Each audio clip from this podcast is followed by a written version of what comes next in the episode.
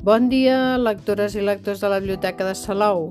Sou a l'espai Bibliosalou Ràdio, els podcasts bibliotecaris que us informen diàriament i via ràdio de les novetats bibliogràfiques de la Biblioteca de Salou. Els podcasts dels dimarts us parlaran del que podem trobar a les xarxes sobre una de les novetats de narrativa en català del proper mes d'abril i avui, 9 de març, us presentem la novel·la Jo era el món, de Marc Artigau i Caral, publicada per Destino. A la ressenya de la contraportada hi podeu llegir la desaparició misteriosa de l'Ariadna, una adolescent de 17 anys en un poble anomenat Arbeda, desencadenarà les reaccions dels seus familiars i amics en un ambient asfixiant on res no és el que sembla. Però si ampliem l'argument, podem dir que l'Ariadna desapareix sense deixar rastre. Sembla que ha estat voluntat seva deixar enrere el poble d'Arbeda i fugir. Deixa una nota al seu pare on diu que no pateixi, en el que sembla una fugida d'uns dies. Però els dies es convertiran en anys i la jove adolescent ja no torna més a Arbeda. La notícia provoca una gran commoció, però la policia acabarà arxivant el cas i el poble anirà refent la seva rutina habitual. El Genís, el pare de l'adolescent desapareguda, intentarà trobar-la, però Ariadna, aliena al dolor que ha deixat enrere, continuarà amb la seva fugida buscant la llibertat i coneixerà la Remei, una dona que la introduirà en una comunitat que es dedica a la meditació, liderada pel gurú Ezequiel. El títol fa referència a lo de fa referència a l'adolescència, aquell moment que tu penses que ets al món i penses que tu pots amb el món, que pots amb tot. Després ja ve la vida i se't cruspeix, diu l'autor. Amb el títol Jo era el món, l'escriptor expressa el que sent la seva protagonista, l'Ariadna, que és una adolescent en un poble petit amb anels de llibertat, que vol conèixer nois i viatjar. La protagonista, la novel·la, reivindica poder començar una aventura i fugir, com un dret fonamental de les persones que estimen, afirma l'escriptor, del dret a fugir i de la capacitat de reconstruir-nos. Però ens parla també de la vulnerabilitat i de la manipulació. La novel·la explica la desaparició d'aquesta adolescent i com afronten aquesta pèrdua el pare, les amigues i la gent d'Arbeda. Un poble imaginari amb què l'autor homenatge als paisatges, els sons i la vida d'Arbeca, el poble de la infantesa del mar, Cartigau i de la seva mare, a qui dedica la novel·la. Aquest és el punt de partida que s'explica en els tres primers capítols, i la història està narrada des de diferents angles i cada part de la novel·la està narrada per un dels tres personatges utilitzant tècniques diferents.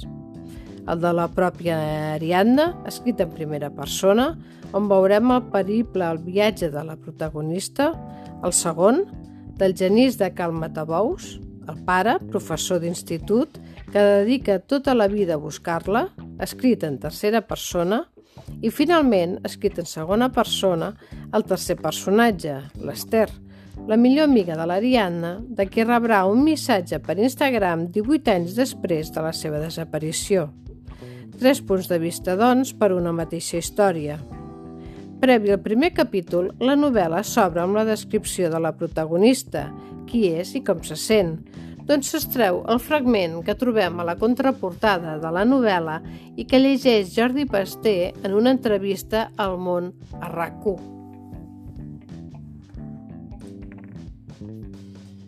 Toca aquesta llarga acumulació d'angoixes. Soc les parpelles obertes mirant el cel estrellat. Soc una glopada de fàstic. Soc minúscula, engruna, formiga, un gargall. Soc la dolenta a tots els contes. Soc fang, un truc de màgia. Soc vella per dins, soc vella, soc i em moriré. El nom d'Ariadna tampoc és casualitat i al·ludeix al protagonista grec del mite del laberint perquè, segons l'autor, l'adolescència en si mateixa ja és un laberint i ella, amb ganes de fugir del Minotaure, d'una existència que no la fa feliç, acabarà en un lloc que ni tan sols ho fa, però bé, no explicarem al final. Amb el nom de la protagonista, l'autor vol transmetre, mitjançant les incògnites que oculten els diferents personatges, la idea també d'un laberint que cada vegada es fa més estret.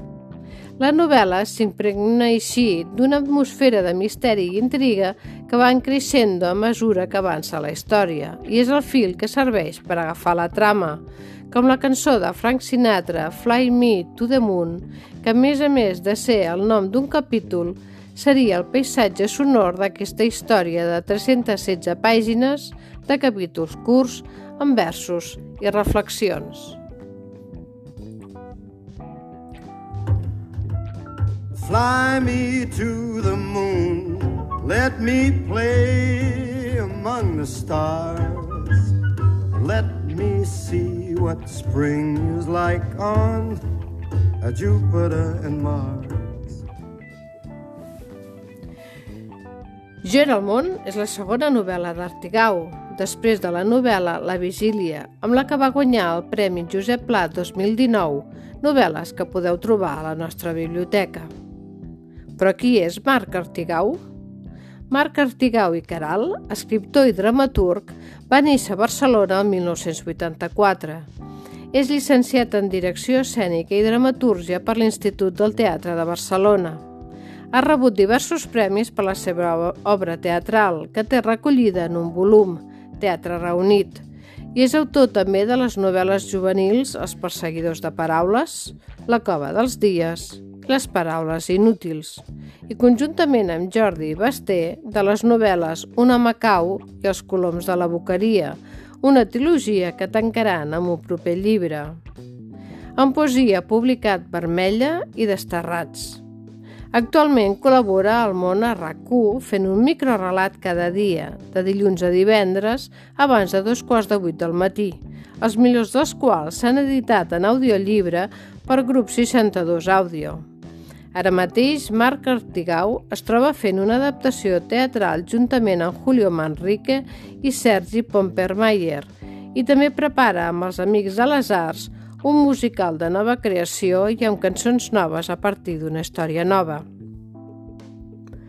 L'hem buscat a les xarxes i Marc Artigau hi és present amb una entrada a la Viquipèdia i amb veu pròpia amb una pàgina de Facebook, marc.a.caralt i a Twitter, arroba martigau.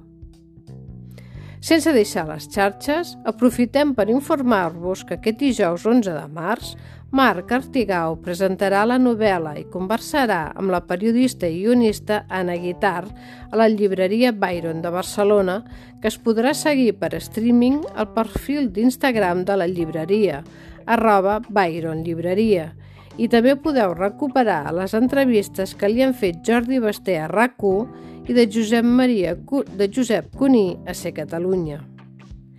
I fins aquí el podcast d'avui, però tenim més novetats de narrativa en català que anirem descobrint cada dimarts. Que tingueu molt bon dia i molt bones lectures que us acompanyin en el dia a dia.